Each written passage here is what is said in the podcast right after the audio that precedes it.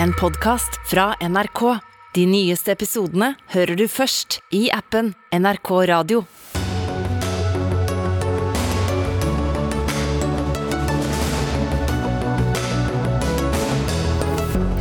Re regjeringen gir grønt lys til å skyte 25 ulver i Norge. Nå vil dyrevernere ta vedtaket til retten. Snart må man vel søke om lov til å starte motoren på båten, tordner en fisker. Etter at Forsvarsdepartementet vil gjøre det straffbart for fiskere å lagre data fra ekkolodd. Strøm- og klimakrisen gjør at vi må diskutere kjernekraftverk i Norge, mener Grønn Ungdom.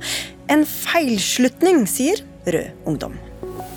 Og må alle julekalendere være tragiske og triste, spør en som har fulgt med på Kristiania Magiske Tivoliteater. NRK svarer vi forsøker å fortelle en historie med et viktig budskap. Ja, velkommen til årets siste direktesendte Dagsnytt 18, hvor vi også skal få en ny vri på fortellingen om Jesu fødsel. Navnet mitt er Sigrid Solund. Det blir altså ingen god jul for mange av Norges gjenlevende ulver, for i går bestemte regjeringen at 25 ulver i fire revirer skal skytes. Flere dyrevernorganisasjoner ber nå tingretten om å gripe inn, og dere er blant dem, Siri Martinsen. Du er leder i dyrevernorganisasjonen NOAH. Dere vil jo generelt ikke skyte ulv, men hva mener du er galt med akkurat dette vedtaket? Ja, NOAH og WWF og Foreningen Våre rovdyr har gått til såkalt midlertidig forføyning. Og Det vi mener er regjeringen gjør veldig galt nå, det er at de gjør et vedtak som er omtrent likt et vedtak som ble dømt for å være ulovlig i Oslo tingrett tidligere i år, da NOAH gikk til sak mot staten over Lekjenna-vedtaket. Det, det vedtaket vi ser her er omtrent akkurat likt begrunnet, bare at nå er det fire flokker og ikke én som skal drepes. Og Saken er jo at det er ingen begrunnelse for å skyte disse ulvene. Kritisk truede dyr skal etter Bernkonvensjonen være totalfredet, og det skal eh, kun skytes dersom det er helt spesielle forhold som ligger til grunn, eh, dersom det er et konkret problem, dersom ikke det problemet kan løses på noen annen måte, eh, og dersom det ikke skader bestanden. Men disse kriteriene de bryr ikke regjeringen seg om lenger. De bryr seg bare om et helt sånn kunstig politisk satt tall, som de kaller bestandsmålet, og så skyter de da til ulvene er under det bestandsmålet. Det er det bare Norge i hele verden som gjør, og det mener vi strider mot loven og Bernkonvensjonen. Alexander Øren Heen, du er statssekretær i Klima- og miljødepartementet. Hvilke spesielle forhold og konkrete problemer da er det som har gjort at dere har gitt fellingstillatelse til alle disse ulvene?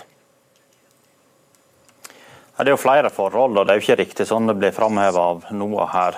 Det er jo flere forhold som gjør at en kan åpne for jakt på ulv nå. Det ene er jo riktig som det blir sagt, at en ligger godt over bestandsmålet. Det har jo forrige regjering sørga for med en ganske passiv rovviltpolitikk, og det ønsker vi å endre. Det er det ene, og det er et viktig omsyn å ta. Altså, Men godt over bestandsmålet er vel ikke sånn at man skal være på det minste, minste i, tallet i det bestandsmålet? Nei, men Bestandsmålet er et forvaltningsmål der en skal søke å ligge så nær som mulig. Det er ikke et makstall, det er ikke et minimumstall, men det er et tall en skal prøve å nå. Og det, Nå har en lege over i flere år. Nå prøver vi å nærme oss det bestandsmålet. Og Det er viktig for at folk skal ha tillit til den forvaltningen som blir ført. Og Det er veldig mange som har kjent på avmakt de senere årene når en har lege så langt over. Og mange har problemer med nærgående ulv i hverdagen sin. Og De er òg viktige å lytte til, og det gjør denne regjeringen. Ja, og For dem er vel dette et ganske konkret problem, Siri Martinsen? Nei, Det er feil. Det er ikke påvist noen nærgående ulv i det hele tatt. Det er noen som ikke liker ulv på generell basis. Det er faktisk et mindretall. Forskning viser at hele 60% av befolkningen, også der hvor ulven bor, altså innenfor ulvesonen nå, de liker at det er ulv der, og de er for den ulven. Og ja, folk føler på avmakt, men de føler på avmakt over at regjeringen ikke følger naturmangfoldloven, over at våre truede dyr ikke blir tatt godt nok vare på, over at man bare snakker om tiltak for truede dyr i festtaler, som f.eks. da rødlisten skulle lanseres tidligere i høst, og Heen sa at alle dyr skal få en bedre kategori hvis de er truet. Men det gjelder tydeligvis ikke rovdyrene, og det gjelder tydeligvis i alle fall ikke ulv. For her har man da satt seg i hodet at man skal følge et helt kunstig politisk satt eh, måltall som praktiseres som et maksimumsmål, men som ingen andre land gjør. Det står til og med i Hurdalserklæringen at dette skal være et maksimumsmål, men Norge er det eneste land i verden som setter maksimumsmål på truede arter, og det strider mot Bernkonvensjonen og det strider mot lovene som Stortinget selv har vedtatt. Og hva verre er, dette skjer altså innenfor ulvesonen. Bare 5 av Norge, det stedet hvor Stortinget har sagt at ulven skal ha prioritet, og at det skal være en veldig høy terskel for å tillate skyting. Da må Hen få svare på dette, på dette Martinsen. Ja, det, jeg jeg, jeg syns eh, Martinsen går langt i å hevde at dette er et eh, vedtak som bryter med norsk lov. Eh, våre vurderinger, Her er mange jurister som har vært inne og vurdert denne saken. her. Vår vurdering, Departementet sin vurdering er at dette er innenfor det handlingsrommet som ligger i naturmangfoldloven, og det er innenfor det handlingsrommet som ligger i Bernkonvensjonen. Eh, det har vært viktig for oss i denne klagebehandlingen å sikre at dette er et lovlig fatta vedtak. Og Så får en se da, hvis en går til sak om retten har en annen oppfatning, men vår vurdering er at dette er innenfor det handlingsrommet som ligger. Men Hva er det som er Eh, mer konkret ved denne begrunnelsen enn det, vet, enn det som ble sagt at, at ikke hadde en god nok begrunnelse da? Nei, men Det som er viktig å ha med seg da, er at Stortinget har gjort eh, noen presiseringer i, i etterarbeid og definert at bl.a. distriktspolitiske hensyn, eh, det at en skal ha bosetting, skal kunne drive eh, utmarksnæring, jakt og fiske, eller jakt i dette tilfellet som er aktuelt, i disse områdene, er òg viktig. Og Da er det jo elgbestanden som har fått seg en stor nedgang i dette området. Og Det påvirker folk sin hverdag. og Det er ganske bestemmende å høre at det, det betyr ingenting for Martinsen og hennes organisasjon. Jeg lytter faktisk til de folket som bor i dette området, som har ulven på kroppen hver dag og anser det som et stort problem for hvordan de lever sine liv. De, deres stemmer òg må komme fram, og ikke bare de som ønsker at ulven skal få utvikle seg akkurat sånn som han vil. Jo- Eh, Derfor har vi et politisk stort, bredt flertall som har sagt noe om hvor mange ulver skal vi ha i Norge. Det mener jeg er viktig, at det er et bredt flertall, og da må vi ha en forvaltning som er i tråd med det. Men hvis vi ser på det juridiske her også igjen, da. Nå snakker vi, altså Forrige regjering tillot uttak av 17 ulver i to flokker i forrige omgang, og nå snakker vi om 25 i fire forskjellige flokker. Dere skal altså halvere antallet ulv i Norge. Hvordan er det i tråd med våre internasjonale forpliktelser? Nei, Våre internasjonale forpliktelser sier jo at en kan ta ut ulv eh, under gitte vilkår. Det er det som er tatt inn i naturmangfoldloven. Og det er ikke slik at andre land ikke driver forvaltning av ulv. Vårt naboland Sverige gjør det samme med en felles bestand. Vi har hatt dialog med Sverige under utarbeidingen av dette vedtaket, spesielt knytta til det reviret som heter Bograngen. Og Deres vurdering er òg at et slikt uttak ikke vil true ulven, den sørskandinaviske ulven sin overlevelse. Og Det er jo et viktig eh, moment inn i denne saken, at dette uttaket vil ikke true bestanden sin overlevelse. Det er ikke Ja, sånn at all kan jeg ulv forsvinner, men den kommer ned på et mål som er til å leve med. Eh, Dette er klart det truer bestandens overlevelse når den er kritisk truet på norsk side og sterkt truet på svensk side. Men spørsmålet til Heen var jo hvorfor man ikke forholder seg til retten. For eh, norsk rett per nå eh, er jo den oppfatning at den type vedtak som dere nå har gjort, det er faktisk ulovlige. De eh, går imot Stortingets, eh, eh, Stortingets egne vedtak om at det skal være en høy terskel for å skyte ulv innenfor ulvesonen. Så man går altså imot det Stortinget har sagt selv, og man går imot den loven, naturmangfoldloven, som jo tar sikte på å bevare truede dyr, slik at de skal få en bedre status. Og vi har tross alt naturkrise nå. Norge er med i forhandlinger om en ny naturavtale for å bevare naturmangfold. Også På hjemmebane da, så skyter vi altså kritisk truede dyr ned, slik at de forblir kritisk truet. Det er et skrekkelig dårlig eksempel for resten av verden. Og det er ikke slik at flertallet i ulvesonen lider og har ulven på kroppen. Det er slik at flertallet i ulvesonen ønsker at ulven ikke skal være truet. De ønsker at ulven skal være i norske skoger, og dere tar ikke hensyn til flertallet. Og Det der er vel veldig avhengig av hvordan man og hvem man spør, da, Siri Martinsen. Men eh, når mener du man skal kunne skyte ulv? Skal man ikke skyte noen, eller? Man skal forholde seg til Bernkonvensjonen, som er en internasjonal konvensjon om truede arter. og Den sier at man ikke skal skyte noen eh, dersom det er eh, kritisk truede dyr. Da er de totalfredet. Og så er det under visse eh, gitte vilkår mulighet for å gjøre et unntak. Men det er ikke mulighet for å gjøre unntak fordi det er ulv i et område. Og at ulven er ulv, at det på en måte skal være en god nok begrunnelse for å skyte. Og at noen ikke liker ulv, det er ikke en god nok begrunnelse for å skyte i henhold til de internasjonale avtalene. Ok, Hen, til slutt her, Hvorfor kan dere ikke vente og se om uh, hva, hva retten eventuelt sier om dette før dere går i gang? Det er jo fordi at denne jakten er forskriftsfesta til startdato 1.1, avsluttes 15.2. Da er det jo viktig å få ut vedtaket før jakten starter, eh, og slik at en får komme i gang med å få bestanden ned på det som er et bredt politisk flertall sitt bestandsmål. Og Det er en viktig samfunnsinteresse som vil veie tungt i disse vurderingene. og Det legger regjeringen vekt på. Så viser Martinsen til en dom som ikke er rettskraftig. Den blir da selvsagt ikke lagt til grunn for, for videre forvaltning før en eventuelt har fått en rettskraftig dom. Ja, fordi, at, fordi at staten har anket den. Fra, mm.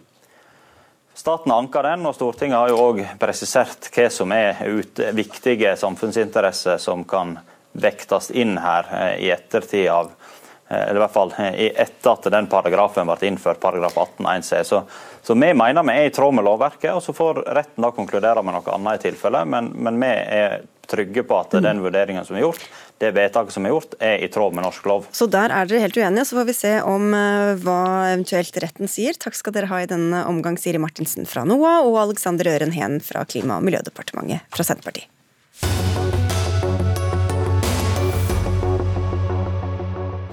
Denne uka startet Finland opp sin første atomreaktor på 40 år, mens vårt andre naboland i øst, Sverige, vil fase ut kjernekraften sin.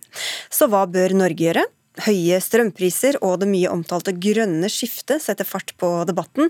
Og der står dere klare, Tobias Stokkeland, du er talsperson i Grønn Ungdom. Dere har nettopp slått fast at dere vil se en satsing på kjernekraft i verden, og muligens også i Norge. Hvorfor er tiden inne for det nå, mener dere?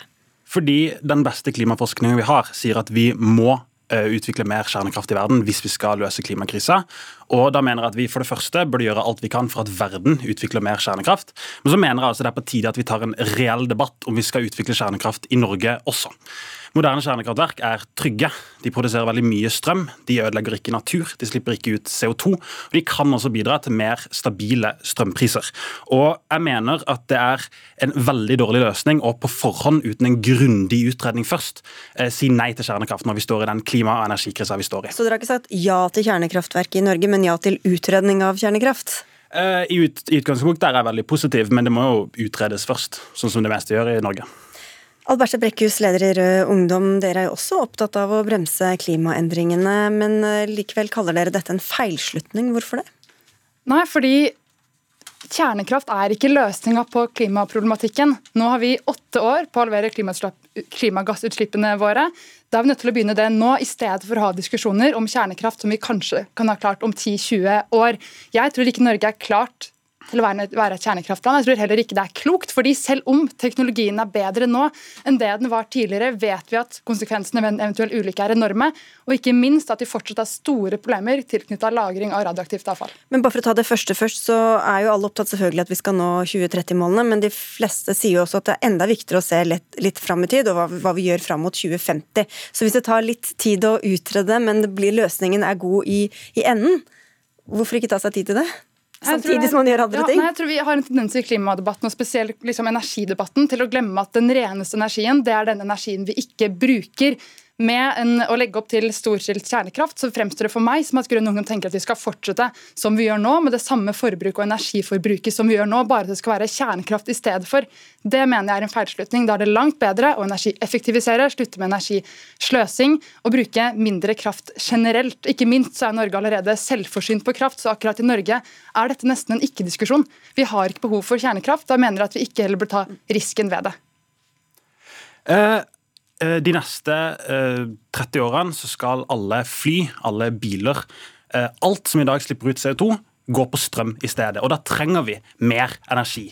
Og jeg leste ditt moderparti Rødts partiprogram eh, i går. Og dere vil ikke ha vindkraft på land. Eh, for det er, det er dere mot. Dere vil ikke ha vindkraft på havet, for det er dere mot. Dere vil ikke ha kjernekraft, for det er dere mot. Dere vil heller ikke ha kjernekraft eh, Nei, unnskyld, dere vil heller ikke ha vann, store, nye vannkraftprosjekter, for det er dere også mot. Regnestykket der man er mot alt dette Du glemte olje og gass, som du også skal strupe. Jo jo, vi skal selvfølgelig strupe det også, men der er vi jo er rela- relativt Jo enige. da, men det er en del av energitilførselen til Ja, verden. i ja, hvert fall. selvfølgelig. Ja. selvfølgelig. Men, men, men jeg vil bare si, det regnestykket der man, skal si, der man skal si mot alt dette, og samtidig løse eh, klimautfordringene, går ikke opp. Og Da trenger vi mer energi, og der er også kjernekraft aktuelt. Ja, så kan jeg jo starte med å minne eh, Grønn Ungdom her på at jeg er fra Rød Ungdom, og vi er jo for havvind og for ganske mye energiprosjekter. Men jeg mener at Rødt har tatt ansvaret sitt seriøst. Man anerkjenner at vi har en klimakrise og en naturkrise. Derfor har Rødt laget en kraftplan som viser hvordan vi kan nå framtidas energibehov, også med de framskrivingene vi har i forhold til hvor mye energi vi vil trenge, som viser hvordan vi kan nå de måla, hvordan vi kan ha den energien vi trenger uten å rasere natur, uten å satse på usikre og potensielt farlige energikilder som atomkraft, i hvert fall sånn den er i dag. Og det mener jeg at eh, er, er helt riktig vei å gå. Men hva er det som er så farlig da, med kjernekraft? På den ene siden så har det jo hva som kan skje hvis det går dårlig. Da har vi dessverre nok av eksempler, men jeg har ikke lyst til å skjernobyle diskusjonen her. Så da vil jeg heller peke på de andre tingene. Det ene er jo problematikk tilknytta avfall. Hvor man får store mengder radioaktivt avfall med en halveringstid på 100 000 år, som vi fortsatt ikke vet hvordan vi kan lagre godt nok eller tilstrekkelig nok. Eh, Ikke minst vet vi at når man bruker i hvert fall eh, uran som brensel, får man også plut plutonium som kan brukes til å f.eks. utvikle atomvåpen, som vi begge jo er imot. Mm, Det er ikke bare Rød Ungdom som er redd for dette, Stokkeland. Nei, men det er en diskusjon vi må ta uansett. Og eh, det finnes måter å lagre avfall både på kort og lang sikt. I tillegg så finnes det nok lettere måter å lage atomvåpen på enn gjennom kjernekraftverk. Men så vil jeg også bare si, Alberte, i over ett halvt år så har både meg og deg snakka på inn- og utpust om Det internasjonale energibyråets rapport, som sier at vi må slutte å lete etter olje. Nøyaktig den samme rapporten sier 53,5 sider senere at vi må ha mer kjernekraft i verden hvis vi skal løse klimakrisa. Jeg mener faktisk Det blir litt tullete hvis vi i miljøbevegelsen den ene dagen skal si at vi må høre på Det internasjonale energibyrået når de snakker om olje, og ignorere de med en gang de begynner å snakke om kjernekraft. Vi trenger mer kjernekraft i verden, og det er også, og det burde også være aktuelt, å lage det i Norge. Ja, jeg er helt eh, enig i at, altså at energirapporten sier det den sier, men vi snakker om Norge. Jeg mener ikke at det er nødvendig med kjernekraft i Norge. Ikke fra et klimaperspektiv, ikke fra et energiperspektiv, og i hvert fall ikke fra et strømperspektiv. Grunnen til at vi er i den krisa vi er nå på det spørsmålet eksempel, handler ikke om at vi mangler atomkraft, men om at vi mangler politisk vilje. Så skal jeg tilbake til temaet. Nei, jo, jeg Eh, bare lurte på, du, du da, Betyr det at du er positiv til kjernekraft i andre land enn Norge? Det har ikke vi vedtatt politikk på, men jeg mener at i Norge trenger vi det ikke. Og jeg mener heller ikke at Norge skal bidra til å finansiere atomkraft i andre land. Hva andre land velger å gjøre, er på en måte, det kan ikke jeg styre. Jeg kan jobbe for at Norge skal fortsette å si nei til atomkraft, at Norge skal fortsette å ikke være et atomland, og det har jeg tenkt å gjøre. Men hvis man ser for seg at det skal være en del av energimiksen sånn globalt også, så er det vel bedre at det skjer i Norge, hvor vi har en stabilt styre, vi tar, mer, tar ansvar for det avfallet, eh, er ikke like politisk utsatt osv. osv. Jeg mener at ingen land egentlig er helt trygge for eh, atomkraft. Ingen land kan 100% garantere seg mot hva som skjer ved en eventuell krise, eventuell terror osv. Én ting er atomkraftverden, der har ikke vi vedtatt politikk. Så enkelt er det. Men jeg mener uavhengig av det at det viktigste vi kan gjøre i dag, er å jobbe for andre energikilder. Om det er havvind, som igjen RU er for, om det er å bygge opp vannkrafta, solvind, dyp geotermisk energi Vi har veldig, solkraft, mener jeg selvfølgelig. Vi har mange andre muligheter å gå for. De er langt tryggere, sikrere. Da mener jeg at det er en bedre løsning enn å satse på en usikker energikilde som atomkraft. Hvorfor er ikke dere mer bekymra for dette, Stokkeland? Fordi kjernekraft ikke er det det var på 70-tallet. Og jeg er helt enig, Vi må satse på vindkraft, vi må satse på havvind, vi må satse på alt dette. Men grunnlaget for å ikke satse på kjernekraft i det hele tatt, både i verden, men potensielt også i Norge, er ikke det han en gang var. og Derfor må vi tørre å ta den diskusjonen. Det er på tide å gjøre det nå. Ja, de har i hvert fall tatt diskusjonen. Vi skal få inn en eh, tredje person her. eh, For denne debatten om kjernekraft den dukker jo opp fra tid til annen, og er også en stadig het potet også i andre land. Anders Bjartnes, du er redaktør i Energi og klima, er Norsk Klimastiftelses eh, nettavis. Jeg sa at Finland åpner en ny atomreaktor, Sverige vil fase ut sin kjernekraft. Tyskland stenger ned sine kjernekraftverk, Frankrike bygger ut. Hvorfor er det så veldig ulik oppfatning av dette spørsmålet rundt omkring i forskjellige land? Det er, et veldig, er et veldig bråket bilde, det er ingen tvil om. Altså, Tyskland vil jo ikke ha dette her. Frankrike er den store eh, kjernekraftnasjonen i Europa. Eh, Finnene har holdt på å træle i årevis med å få, få, i gang det kraftverket som nå kommer i gang. Det er veldig ulike syn, og, og det er nok mye av årsakene det er vel å finne i, i, i, lands forskjellige politiske kulturer og tradisjon. ikke sant? At noen syns dette er stas, andre vil ikke ha det. Og, og altså, Her har de jo for så vidt begge rett, eh, både Stokkeland og Brekkes, at, at uh, det er behov for uh, kjernekraft i verden for å klare klimamål. Det er lett å si nei til alt, og det går ikke. Om dette er aktuelt i Norge, det har jeg veldig liten tro på, for vi har så mange andre alternativer som er mer effektive og billigere. Men så har vi jo noen ulykker eh, som mange husker. Eh, Tsjernobyl blir nevnt, nevnt, her, men det er jo også en nyere ulykke i Fukushima som vel også var foranledningen til at flere land ble mer skeptiske. Ja, Den fikk jo Tyskland til å ta den beslutningen om å stenge ned sine kjernekraftverk. og De gjør jo det nå. Fra årsskiftet så går det vel, det vel tre som legges ned, og de siste skal tas ved utgangen av 2022. Man kunne jo tenkt seg gunstigere tidspunkter å stenge det ned på enn, det, enn der vi er akkurat nå. Men det er ingenting som, tyder på at, at Tyskland revurderer sine, sine, planer. Altså Atomkraft, Nein Danke, det har tysk, tyskerne marsjert bak i årtier, og sånn er det. Og den beslutningen må jo vi andre bare eh, respektere. Men hvor farlig er det da i virkeligheten, altså sånn, utover disse ulykkene som vi nevnte nå, da? Nå er ikke jeg noe, kjerne, har ikke noe kjernekraftekspertise, sånn sett, men det er, det er jo en, en, ingen tvil om at hvis det skjer store ulykker, så kan, kan konsekvensene av det være store. På den annen side så er dette her CO2-fri energi, som gjør at man kan da, altså, utvikle eh, store volum strømproduksjon uten CO2-utslipp. og det, vek, det, vekter jo da veldig i retning av at kjernekraft er noe vi trenger når vi skal uh, kutte utslipp i store volum, altså helst fra i forrige års. Og så har det da gått en debatt i EU om hvorvidt kjernekraft skal være en eh, sentral del av dette såkalte grønne skiftet, altså om det skal defineres som grønn energi. Hvordan har den diskusjonen gått, Bjørtnes? Det klarte de jo ikke å bli enige om. ikke sant? Og var det venta en, en, en, avgjørelse knytta til denne såkalte taksonomien, eller klassifiseringssystemet for eh, grønne investeringer nå her, her for, for denne uka, til denne uka mens den beslutningen ble skjøvet på til over, over jul. Og Her står de jo altså da sterkt mot hverandre igjen. altså Frankrike på den ene siden, Tyskland på den andre, Østerrike enda mer mot enn Tyskland. Eh, land som Finland, Sverige eh, osv. på den franske siden. Da. Det er spennende å se hva som skjer i Belgia og Holland også. Nye hollandske regjering sier vi vil bygge nye kjernekraftverk. Belgia skal vurdere å og, og revurdere beslutningen sin om å stenge ned. Sånn at uh, Dette vil jo være på dagsordenen tror jeg, i, i veldig mange europeiske land framover, uten at det vil bli noen felles EU-holdning til det.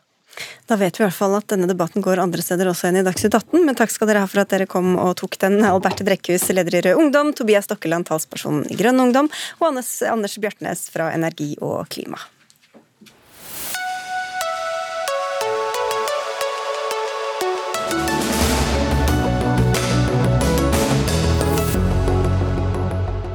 Hvordan ser juleevangeliet ut fra Marias perspektiv? Det skal vi diskutere mot slutten av denne Dagsnytt 18-sendinga. Men nå. Klarer arbeiderklassegutten Luca å redde teatret fra den slemme overklassekvinnen Erle Butensjøen i Kristiania anno 1877? Det er det nok mange som lurer på før den siste episoden av NRKs julekalender Kristiania Magiske Tivoliteater sendes i morgen. Men hele serien er for mørk, for trist, for slem og for tragisk, er det flere seere som har meldt inn til NRK. Og du har skrevet om det i Tønsbergs Blad, hvor du er spaltist Amalie Andersen. Ellers er du student. Hvorfor vil NRK at vi skal bruke kveldene til å se på triste barn, spør du. Er det sånn du vil oppsummere årets eh, julekalender?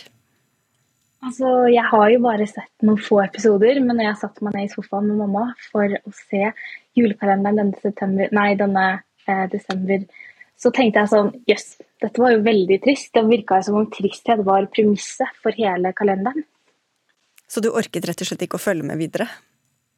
Nei, jeg tenkte jo, jeg vet jo, fordi det er jo en julekalender for barn, så jeg vet jo at den ender jo bra, og det er sikkert Du må ikke røpe det! Å ja, unnskyld. Nei, det, det ender sikkert helt forferdelig her. Tivoli går sikkert i vasken. Nei da.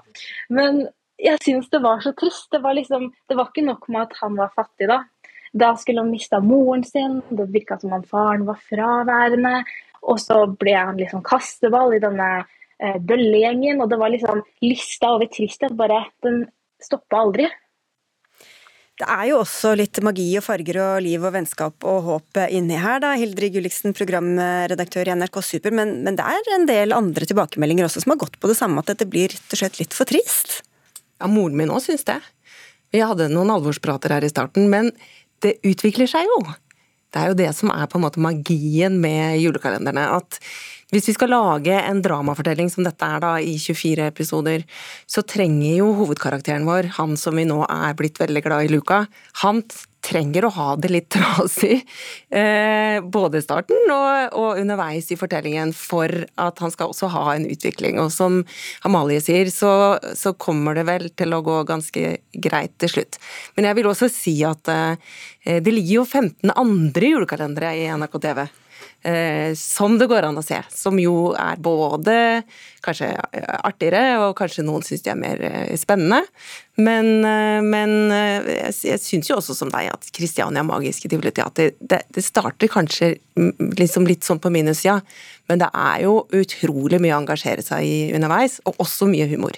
Jeg vet at du har dine favoritter blant de andre julekalenderne, Andersen, men hvis du ser på dette med, med andre som er blitt sendt de siste årene på, på NRK, Snøfall og Stjernestøv f.eks., hvilke tendenser er det du mener å se? Nei, at det er, som jeg har sagt, at tristhet og utenforskap virker jo som på en måte premisset for kalenderen. sånn som eh, Julekongen, den, den, liker jeg ganske godt, av det må jeg si. Og den virker jo litt sånn trist og sånn, men der føler jeg premisset er at han, Kevin han skal skape den beste jula. Mens med Stjernestøv og Snøfall, de også så jeg Jeg har ikke sett alt av det, fordi at jeg syns det ble litt sånn trist, da, sånn som det står selv på NRK liksom, om Snøfall. Det er liksom en foreldreløs jente i en trist verden. Altså, der setter man standarden for en hyggelig og koselig desemberjul, tenker jeg. Gulliksen? Ja, men Da oppfordrer jeg deg til å se den, Amalie, fordi den er jo langt fra trist. altså. Den, der er det masse glede og varme, og, og, den handler om tilhørighet, som jo mange av oss er opptatt, opptatt av i førjulstida. Men får barna med seg alt det her, når, det liksom, når utgangspunktet, eller i hvert fall rammene, er så utrolig triste? Det er et veldig godt spørsmål, fordi julekalenderne de er jo ment å fenge seksåringen og 106-åringen. Det er jo en litt vanskelig øvelse eh, i 24 dramaepisoder. Eh, så barna de får med seg deler av historien, og voksne får jo med seg hele historien og alle lagene i historien. Eh, så, så vi prøver jo å skape noe som barn og foreldre kan se sammen i førjulstida. Og vi, vi, ønsker jo, Amalie har jo rett, vi ønsker jo også å, å, å, å si noe viktig. I denne julekalenderen så handler det mye om, om mot. Gabrielle er jo en skikkelig skikkelig modekarakter i tillegg til Luca. Det handler om lojalitet, og ikke minst hvem vil man være som menneske? Hvilke verdier styrer man etter? Overfor seg selv og i relasjon til andre. Jeg håper det er mange av seerne og lytterne som har sett disse julekalenderne tidligere. Du, du har dine favoritter, Andersen, som jeg skjønner. Ikke minst Jul i Svingen, men også Blåfjell og Jul på månetoppen. Hva er det som gjør at, at du liker dem bedre enn disse vi har diskutert nå? Eh, Jul i Svingen er min favoritt, og det er jo fordi det er så det er så hverdagslig. Og man lærer om mot og inkludering og det å være snill i Julisvingen, men det er på en måte med humor, så man sitter ikke igjen med sånn Å, jøss, den personen har det fælt. Og det er jo mange av karakterene der der liksom, noen har ikke en far, og noen har ikke en mor, og noen er fra en annen kultur, eh, og de skjønner ikke helt hva som måte skjer. og foreldrene til Linus og Klara de krangler, men det er på en måte ikke hovedfokuset. Tristheten eller liksom problemer og sånn er ikke hovedfokuset. Det er mer det gøye og morsomme og lekende og liksom poenglangrenn. Det er det på en måte julestemningen da, som er fokus, og ikke det Jeg vet ikke, jeg føler bare at de nye kalenderne er så, er så mye trist. Det er ikke noe hverdagslig julestemning som Jeg kan ikke relatere til det, i hvert fall. Ja, jeg ser jo, eh, eller jeg hører at eh, Amalie er student, og jeg tenker som så at da er hun rett i Julie Svingen-generasjonen. Den generasjonen som lærte seg å elske den kalenderen. Men litt sånn kuriosa er jo at den kalenderen også fikk litt kritikk for å være litt konfliktorientert da den kom. Men, men øh, øh, jenter og gutter på Amalies alder øh, ser den også i år i massevis, fordi at det er deres favoritt. Men der er liksom tonen lett og lystig, da, og så dukker problemene opp litt sånn innimellom, mens i de nye kalendrene så er det litt dystrere øh, gjennomgangstone, eller? Ikke bare det, vil jeg si. Det som, uh, Julie Svingen er jo en kalender som du også kan se én episode, men du trenger ikke å følge hele fortellingen. Så det er jo litt annerledes. Uh, en annerledes dramaturgisk oppbygd julekalender, da, kan du si. Så noen er litt mer lystige enn andre, men alle har den eller i hvert fall håper vi, da, den, gir den varme følelsen og, og, er en fantastisk fortelling som barn og voksne kan se sammen i førjulstida. Så det, det, jeg håper i hvert fall at mange har hatt glede av Kristianias magiske tivoliteater i år også. Og det er gode sjanser for at dette tivoliteatret faktisk blir reddet. Nei, det kan jeg ikke si noen ting om. Vi får vente til i morgen, og imens minne om at alle disse julekalenderne ligger eh, ute på NRK TV, eller TV NRK heter det vel kanskje? TV, ja. NRK TV. Takk skal dere ha begge to, eh, Hildrid Gulliksen fra NRK Super og Amalie Andersen som også er spaltist i Tønsberg Blad. Takk.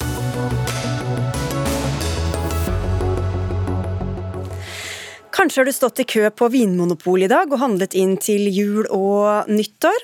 Aldri før har vi handlet så mye på polet som i desember i fjor, og i 2020 hadde Vinmonopolet rekordhøye salgstall. Men det er jo ikke alltid like lett å navigere blant hyllene, og da kan avisenes vinanmeldelser være til stor nytte, eller kanskje ikke ut fra et innlegg du har skrevet på Facebook, Gudmund Hernes, du er sosiolog og tidligere politiker for Arbeiderpartiet. Vinjournalister anbefaler viner for konnissører og ikke for vanlige folk, skriver du. Hvordan begrunner du det? Nei, nå er det ikke sikkert at det gjelder alle. Det var en spesiell side da i Dagsavisen som jeg tok for meg, og det var fordi at alle de vinene som der ble listet opp, lå i prisleie sånn ca. 450 til opp mot 600 kroner. Og da er det det første man vil se på når man leser en slik spalte, er jo er dette vin som er aktuell for meg, i den grad du ikke leser det for kuriosa, så å si. Og da er det slik at bare de vinene som anbefales og omtales, de utelukkes du fra bare det. Og dette var ikke første gang, så da var det at jeg buset ut da, med et innlegg på Facebook. Og eh, det som jeg tror er det spørsmålet en bør stille til de som anmelder vin, det er det samme som man stiller til andre som vil omtale ulike produkter, og det er hva er det jeg vil vite når jeg skal kjøpe? Og da er det spørsmålet det samme også for vin. Så hvilken prisklasse bør de stort sett legge seg på, da? Altså, Jeg fant frem noen tall i dag, og de to tallene jeg ble mest slått av, det var hva er de to mest solgte vinene i Norge.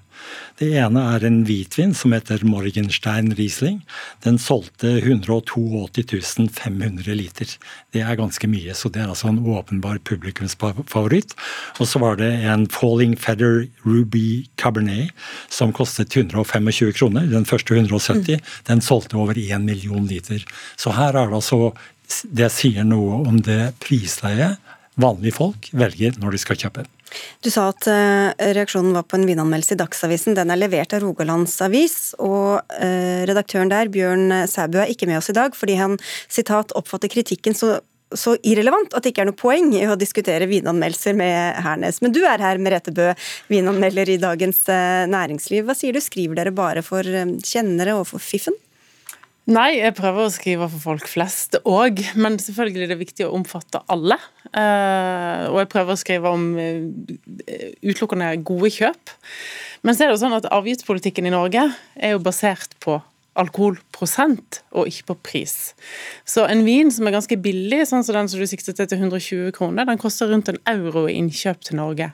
Og da er det ganske viktig å gjøre folk oppmerksomhet på at de spytter veldig mye penger inn i statskassen ved å kjøpe en vin som er så rimelig. Og for en euro så betaler du for innhold, for etikett, for kork, for flasker. Og en flaskekostnad eh, som har steget med 70% det siste året. Så du får veldig lite for pengene egentlig da, når du kjøper en billig vin? Ja. Men den samme alkoholavgiften, som da utgjør kanskje 40-50% av totalprisen på en rimelig vin, den samme prisen ligger på en vin til 500 kroner, utgjør da kanskje 10% der. Så ja. Du får for det du betaler for, da, Hernes. Ja, Det du da kan si, det er jo at man kan ta det helt motsatte standpunkt. Og si at hvis det er slik at man beskatter de dyreste vinene relativt minst, så kunne man jo lage beskatningen på vin også progressiv. Og si at det er de som har de største lommebøker, som betale, bør betale de største avgifter, og eventuelt da senke dem for de billigste vinene. Men Det er jo en litt annen debatt, da. Men hvis du ser hva nordmenn er villige til å betale for en halvliter øl ute, så er jo det ikke så mye mindre enn den ene vinflasken du diskuterte her. Så er det så vanskelig å se for seg at man kan bruke et par hundre kroner på en flaske vin?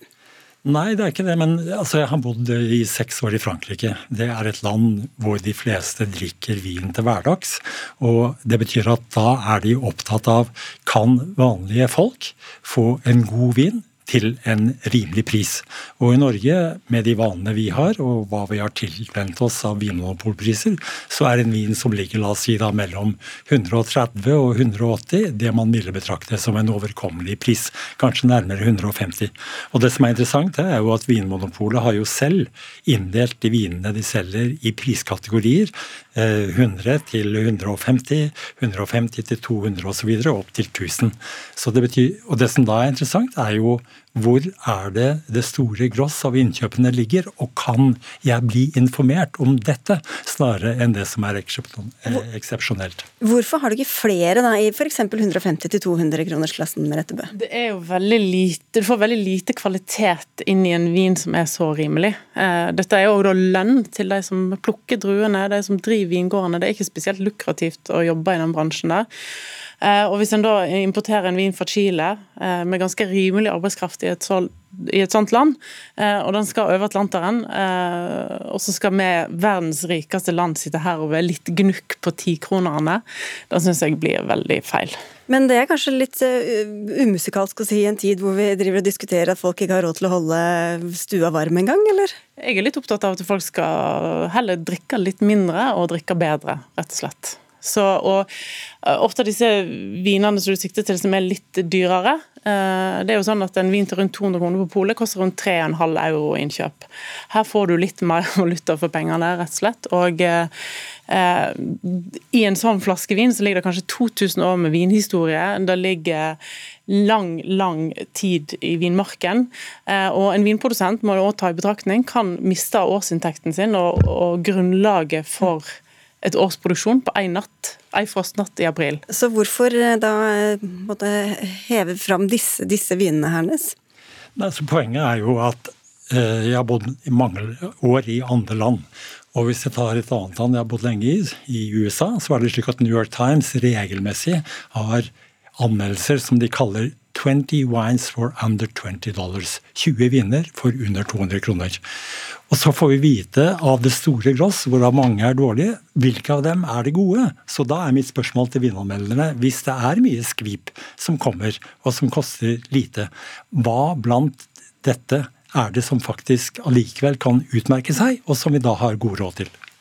Ja, jeg har en sånn artikkel stort sett en gang i året der jeg tar topp ti mest solgte vinene på polet i Norge, og finner alternativ. For det er ofte så når du lager en så rimelig vin, så må du ty til litt sånn eh, dårlige Det som å kjøpe ribba til 29,90. Noen lider. Og I dette tilfellet så var det grisen. og i, Hvis du kjøper en billig vin, så er det da vinbøndene og kvaliteten. Eh, og så Så jeg pleier alltid finne rimelig alternativ. Ikke noe særlig mer i pris, kanskje 10 kroner, kanskje 20 kroner mer i pris. Eh, men som du får mye mer kvalitet igjen for, for det du betaler. Men du, Vi må litt innom hva du skriver også, Hernes. For du skriver i innlegget ditt at i motsetning til reiser til fjerne himmelstrøk, som aviser selv betaler for ikke å korrumperes, så betaler avisene ingenting for vinene som smakes. Eh, sier du at vinanmelderne er korrupte, eller? Nei, jeg sier ikke at det er det, men det er en forskjell. Og det, som, det kunne være interessant hvis man la opp til en samme politikk, også for vinsmaking, som for reiser hvis man inviteres av eh, skipsredere eller flyselskaper eller hva det måtte være. Fordi at det legger i hvert fall en bremse på hva man tar, og spesielt i en situasjon hvor det er mange importører. Det er ikke lenger bare Vinmonopolet som importerer. Og ikke bare er det mange importører, men det er også mange ulike arenaer for smak. Men du antyder at de liksom vil drikke de gode vinene selv, og derfor så Eller hva er det du egentlig prøver å antyde? Det, det, jeg gjør, det er noe jeg ofte gjør. Det er når man har et rart fenomen, som er hvorfor velger de så gode viner? Hva er mulige forklaringer? Og jeg ga en fem-seks slike forklaringer, hvorav disse. Og det har kommet flere i kommentarene. Men mitt hovedpoeng det er altså at også blant de vinene som er billige, så er det gode viner. Så da vil jeg ha veiledning og hjelp til å peke ut dem og sjekke det. fordi at det er ikke identisk med min smak. Den andre forklaringen var jo at vinjournalister er dummere enn andre journalister. Jeg vet ikke om du vil helst være dum eller korrumpert? Jeg vil helst ikke være noen av delene, men eh, eh, Jeg kan ikke snakke på vegne av alle vinjournalister, men på, på mine vegne så har jeg et ganske solid budsjett i Dagens Næringsliv, der jeg kjøper all vin jeg ikke får smakt eh, ved pressesmakinga, som er lovlig holdt ut av alkoholavgiftens eh, lovverk. Det er lov å komme med, med smaksprøver. Eh, det kjøper jeg sjøl. Mm. Så, så jeg ber aldri om smaksprøver. Men vi har enten veldig dårlig råd eller veldig dårlig smak, da tydeligvis i Norge. sånn på generell basis? Nei, altså nordmenn Det er jo litt morsomt. Eh, jeg fikk ferske tall for Vinmonopolet i dag. Gjennomsnittsprisen per flaske vin vi kjøper i Norge i 2021 er 166 kroner. Det øker betraktelig. Har økt med 40 kroner siden 2015. Og det gjør meg litt glad. For jeg håper at folk har lyst til å putte litt mer penger i vinen og skjønner at dette her eh, får de igjen for. Da får vi diskutere avgiftspolitikken en annen gang, og så får vi si takk til dere begge, Gudmund Hernes og Merete Bø.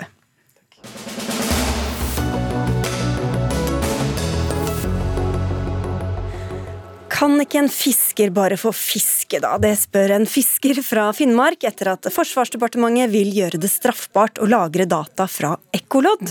Og fiskeren som stiller dette spørsmålet, det er deg, Tor Einar Bjedila. For våre lyttere og seere som ikke er så bevandret eh, i denne verdenen, hvordan fungerer et ekkolodd? Nei, vi bruker jo ekkolodd til å finne ut hvor dypt det er, og, og også for å finne fisken da på og, og, det er vi avhengig av når vi skal vite hvor mye tau vi må ha for å, når vi setter bruk. Ja, og så finne ut hva slags type bunn det er. At man ikke setter i fjell og mm. hvor, hvor, viktig er dette redskapet for dere? Nei, det er jo nesten like viktig som at en eh, snekker har hammer. Man er jo helt avhengig av det, for ellers så er man jo tilbake til eh, steinalderen for å finne fisk. Man kan jo ikke se noe gjennom havet, for å si det sånn. Og Hva synes du da om at det nå kanskje blir straffbart å lagre informasjon om bunnforhold på den måten?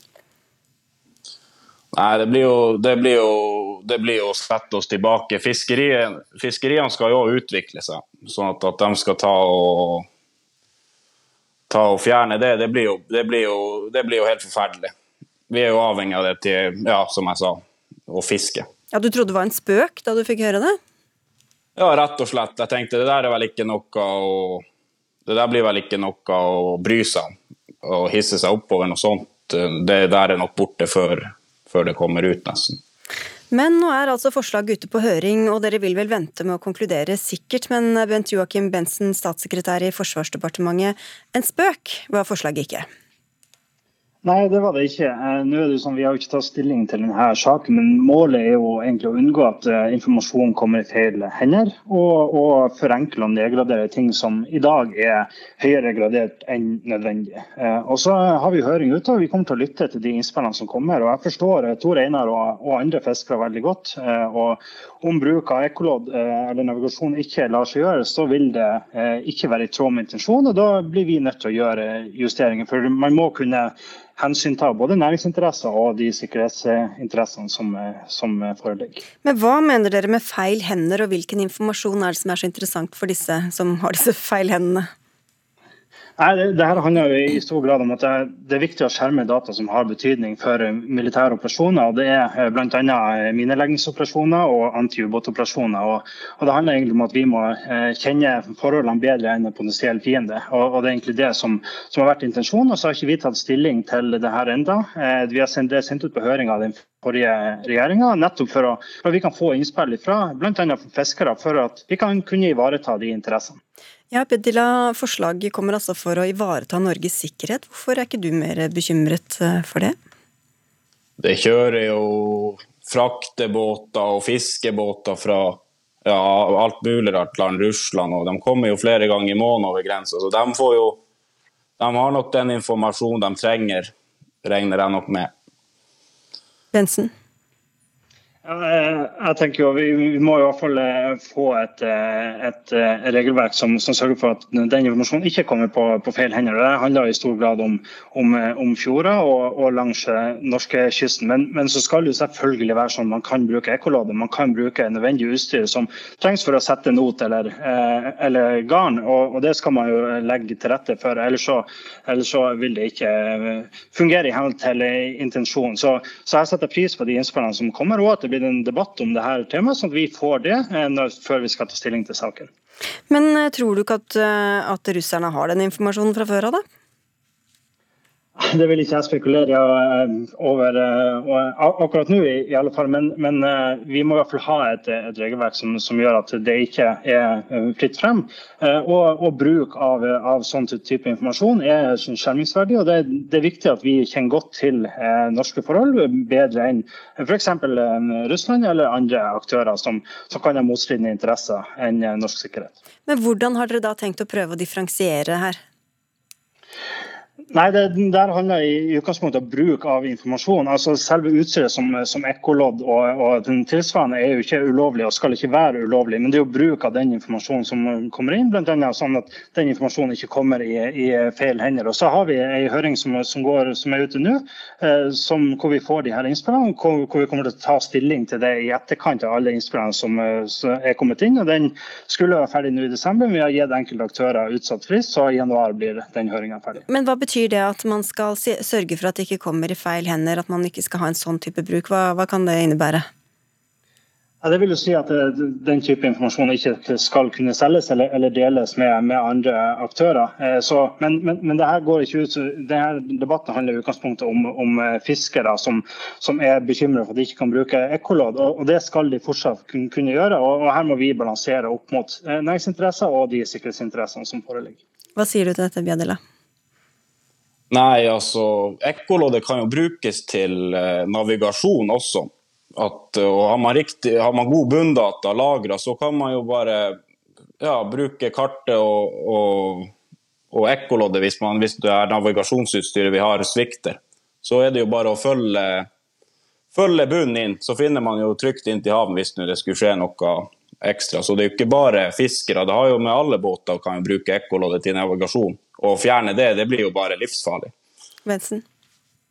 Ja, vi, vi, skal ikke fjerne ekkolodd. Eh, det der handler om den informasjonen, at den informasjonen ikke skal, skal, deles med andre aktører. Og Det er i vår sikkerhetsinteresse å hindre at fremmede makter får tilgang på de, de her dataene. og Det er egentlig det som, som denne forskriften går ut på. Og Så er det kommet en høring inn som er ganske tydelig, hvor jeg tror det er en misforståelse ute og går, eh, som vi selvfølgelig skal, skal se på før vi tar stilling til i, i saken.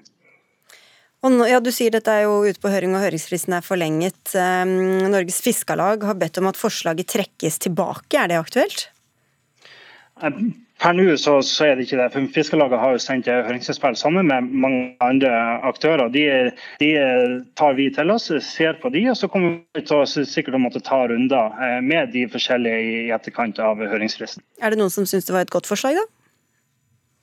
Det har ikke jeg oversikt per, per, over akkurat nå, men, men, men, i utgangspunktet så handler det her om norske sikkerhetsinteresser, og at man må kunne ha god nok kjennskap til, eh, til norske fjorder og den norske kysten, og i større grad enn potensielle fiender. Da. Og når skal dere konkludere? Det har vi ikke, det kan jeg ikke svare på akkurat nå. men Vi, vi venter på, på, at de siste høringsinnspillene er kommet inn, og så vil vi ha en prosess i etterkant av det. Da får vi se hvor dere havner. Takk skal dere ha begge to. Bent Joakim Bensen, som er statssekretær i Forsvarsdepartementet, og Tor Einar Bedele, som er altså fisker.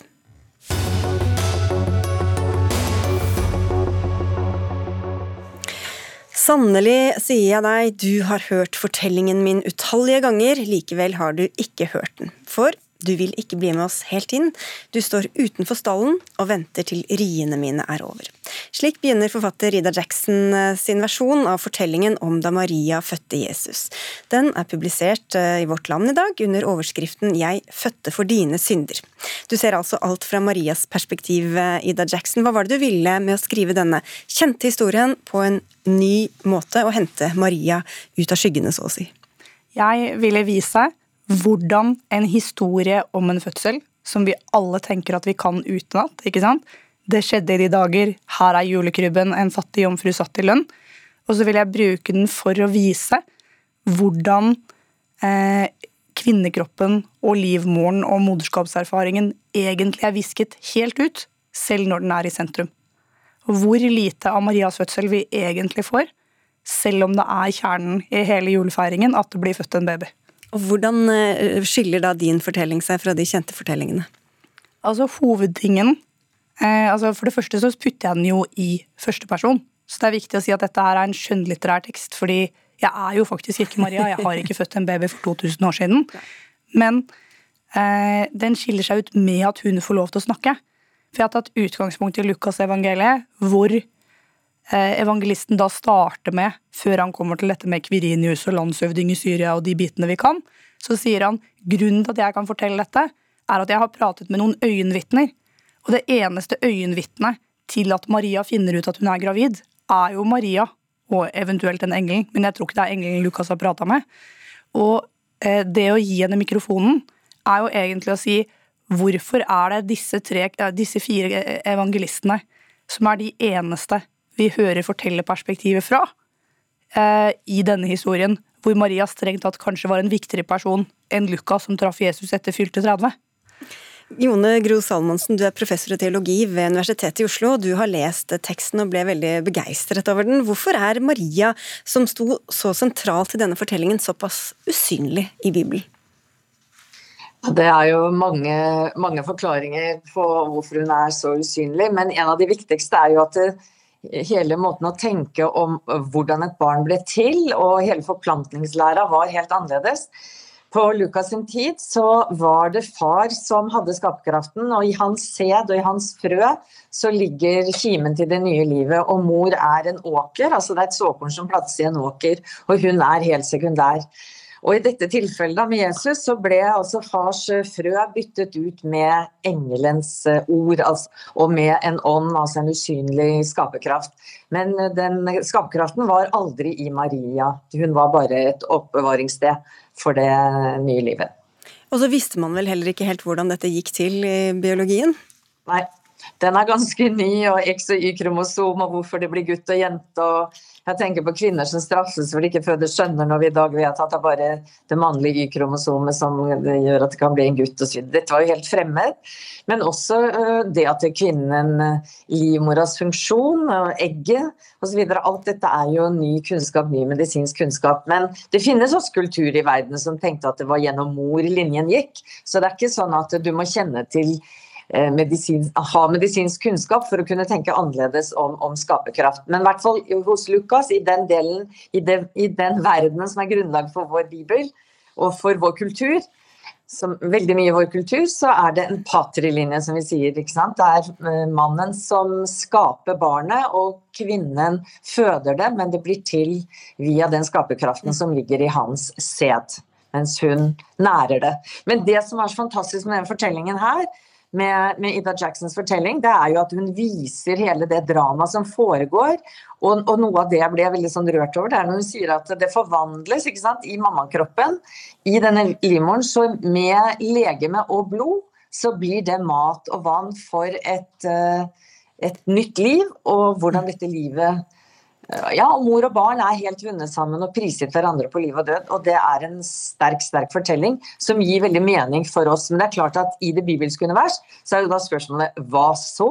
La oss, la, oss, komme dit om litt, eh, men bare Jackson, hvorfor var det så viktig å få dette kroppslige inn i en sånn hellig historie som det faktisk er også for, for mange, da? Vel, altså, jeg har jo en veldig kristen bakgrunn og kristen oppdragelse, og det er jo veldig, veldig kroppslig. I nattverden så spiser vi faktisk Eh, Jesu legeme og Jesu blod, riktignok som brød og vin. Og hele påskefeiringen handler jo om å virkelig zoome inn på Jesu kroppslige lidelse. Så i denne teksten i Vårt Land så lar jeg Maria ta mikrofonen og si jeg skjønner du syns det blir litt mye med rier og morkake, men hvis du er klar for å vite nøyaktig hvor lange de naglene var, og hvor mange piskeslag det var, eh, så er du faktisk klar for eh, de helt basale detaljene om hvordan barn blir født. Og hvorfor, nå, Vi kan jo prøve litt sånn kontrafaktisk eh, historieskriving her. Da. Hvordan tror du at både religion og kanskje samfunn hadde vært annerledes hvis det var denne versjonen, hvis det var Marias versjon som, som ble den rådende? Ja, og hvis, det, hvis, vi hadde en versjon hvor kvinner var noe verdt, ikke sant? For det er jo det som er det, altså Jeg kjenner jo veldig godt eh, det Jone sier her, med liksom ideen om at en, en altså Aristoteles mente jo at i en sædcelle så var det en helt ferdig baby. Men hvis vi har som utgangspunkt da, at eh, eh, Holdt jeg på å si eh, eh, eh at, fin, at, vi kunne sett for oss et samfunn hvor, eh, den, liksom, hvor halve menneskeheten ikke var helt visket ut av historien og virkeligheten, så kunne vi jo fremdeles hatt en feiring av at det ble født en baby. Ikke sant? En hellig baby. Det, det er bare eh, så, så, det vi har gjort i, vårt land, da, som jeg syns er blitt utrolig fint, er jo annet at du ser en høygravid Maria i stallen, og du ser en sliten Maria etter fødsel eh, med blodige filler. Og det er noe med hvilken fortelling er det vi vokser opp med, hvor vi alltid hører om denne fødende kvinnen, eh, samtidig som det er helt dekket til i porselen og fullstendig fjernet fra virkeligheten. Uh, mens det er ikke noe annet i kristendommen som handler om mannekropp, som egentlig er veldig fjernt fra det, det kroppslige. Salmonsen, Er dette kontroversielt i det hele tatt, eller hva tror du du kunne gjøre med, med lesingen av Bibelen hvis man ser Maria på denne måten? Det er klart det er kontroversielt, for det har jo med gudsbildet. Det er jo sånn at Gud er, er Jesu far, og Maria er en, en, mye mindre figur. altså Hun var oppbevaringssted, den som fødte sønnen, men var ikke skaperen av det barnet. Altså Det å ikke ha skaperkraft, det er hele forskjellen på kvinne og mann i det universet. Og det å gi, bringe inn en kvinne som har skaperkraft, det endrer, eh, endrer veldig mange ting. Skal bare høre Jackson det, på eh, replikk her. Ja, fordi eh, jeg kan forstå hvorfor det er kontroversielt ut fra liksom, Lukas' verdensbilde og tiden dette her er skrevet i. Men eh, hvis jeg skal ta på meg selv mitt, mitt mest kristne og inderlige blikk, da, for det er jo tross alt lille julaften, eh, så må vi ha som utgangspunkt at hvis Gud har skapt menneskene, så må han også vite hvordan man faktisk lager babyer, og hva det er som skjer. Og at han da sier ok, jeg bidrar eh, med sædcellene i denne prosessen, det gjør jo ikke eh, Maria mindre sentral eller hellig, eller, eller, skal, liksom en måte, eller til en, hvert fall en person som kan ta mikrofonen og snakke. For det er jo det, på en måte sånn Én ting er på en måte, om spørsmålet om Maria har en quote unquote religiøs posisjon, men det jeg primært er opptatt av her, er jo hvem det er som fører ordet. Eh, og det er jo interessant at Jesus' kompis Lukas er vårt beste vitne. Salmonsen. Ja. Altså, jeg tenker at Vi må sammenligne denne fortellingen med hele skapelsesfortellingen, hvor det er Guds ord som skaper vann og jord og trær og dyr og alt som er, sånn som vi finner i første Mosbok. Også det som skjer når engelen kommer og sier til Maria du skal bli med barn, så er det den samme kraften. altså Det er egentlig en overnaturlig det er en overnaturlig fødsel. Sånn, og en overnaturlig skapelse. Sånn kommer den, eh, sånn kommer den fortellingen seg unna de historiske faktaene om hvordan et menneskebarn faktisk blir til. da den dag i dag. Så Men jeg er helt enig at med denne måten å, å, gjenfortelle det på, så åpnes det noe helt nytt, og det har konsekvens for gudsbildet. Og det er veldig veldig spennende.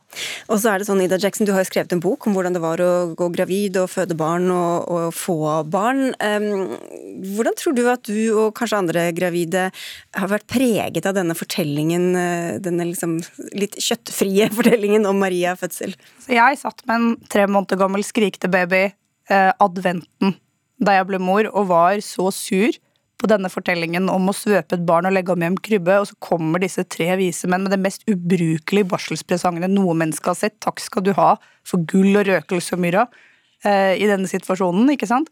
Hvor er alle hjelperne? Så for meg så er det på en kveld som dette ikke rart at når Prøysen ser for seg juleevangeliet og gjenforteller, så putter den nybakte mor i sangen stjernen over jordmormåttia. For her er det noen som hjalp til ganske mye for ganske kort tid siden, som burde vært i den julegrubba. Mer enn de tre vise menn, i hvert fall. Yes. Takk skal dere ha, det var det vi rakk. Eh, Ida Jackson og Jone Gro Salomonsen. For denne Dagsnytt 18-sendingen er over. Det var Anne Katrine Førli, Ida Larald Brenna og jeg, Sigrid Solund, som var ansvarlige for den. Og nå tar også Dagsnytt 18 juleferie. Vi spreller litt i romjula også. Hør på Espen Aas og meg, vi har spilt inn en spesialsending som sendes på NRK nyttårsaften og P2 dagen før klokka seks, begge deler.